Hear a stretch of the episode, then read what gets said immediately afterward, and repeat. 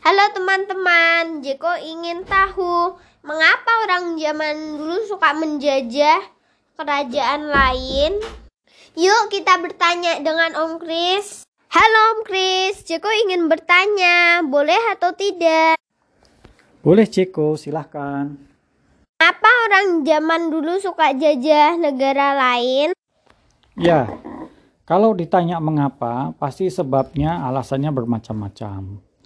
Tetapi kalau boleh Om Kris akan menggunakan salah satu uh, sumber dari naskah di Jawa yang bernama Serat Sasongkojati.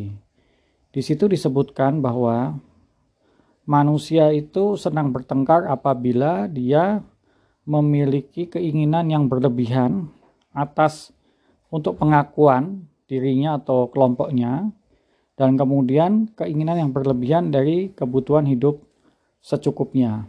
Jadi kalau dari apa yang disampaikan oleh Sasongko Jati itu, Ceko bisa lihat bahwa dasar daripada orang menjajah itu karena ingin mendapatkan sesuatu yang lebih daripada kehidupan yang semestinya.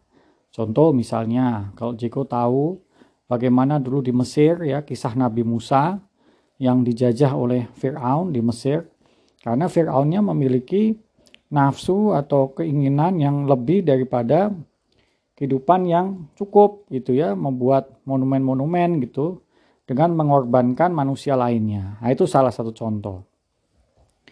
Begitu juga bagaimana penjajahan dulu oleh bangsa-bangsa Eropa yang sampai sekarang kita rasakan bahwa bagaimana pembangunan yang dibangun oleh bangsa Eropa itu memberikan kita suatu warisan kerusakan alam yang luar biasa.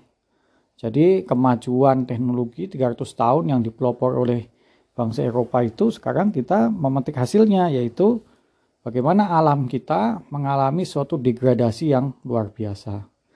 Nah, dari situ kita jadi tahu bahwa proses penjajahan atau dominasi yang didasarkan pada penindasan ya itu nantinya akan membawa kesengsaraan banyak orang. Oleh sebab itu, mulai sekarang kita harus melihat dari paradigma yang lain atau cara pandang yang lain yaitu kehidupan dunia itu satu. Kalau kita berbuat melampiaskan keinginan kita tanpa memperhatikan kepentingan orang lain, cepat atau lambat penderitaan dari orang lain akan kembali kepada kita. Ya, seperti sekarang ini. Alam ya sudah tidak bersahabat lagi dengan manusia. Kerusakan alam, hilangnya biodiversitas. Nah, biodiversitas itu artinya alam sudah kehilangan sumber-sumber kehidupannya ya, yang selama ini menopang kehidupan manusia. Nah, itu karena kerakusan. Jadi perang itu dimulainya dari situ, begitu. Tetapi orang-orang yang mempertahankan diri, ya, orang-orang yang mempertahankan kehormatannya seperti dulu waktu bangsa Indonesia melepaskan diri dari penjajahan, kemudian seperti Pangeran Diponegoro, itu sebenarnya adalah orang-orang yang tidak ingin ada semangat saling menindas gitu.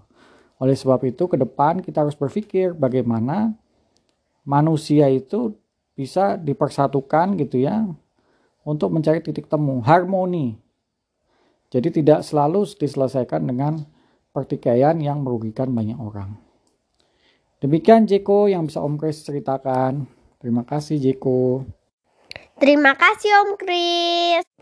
Sama-sama Jeko.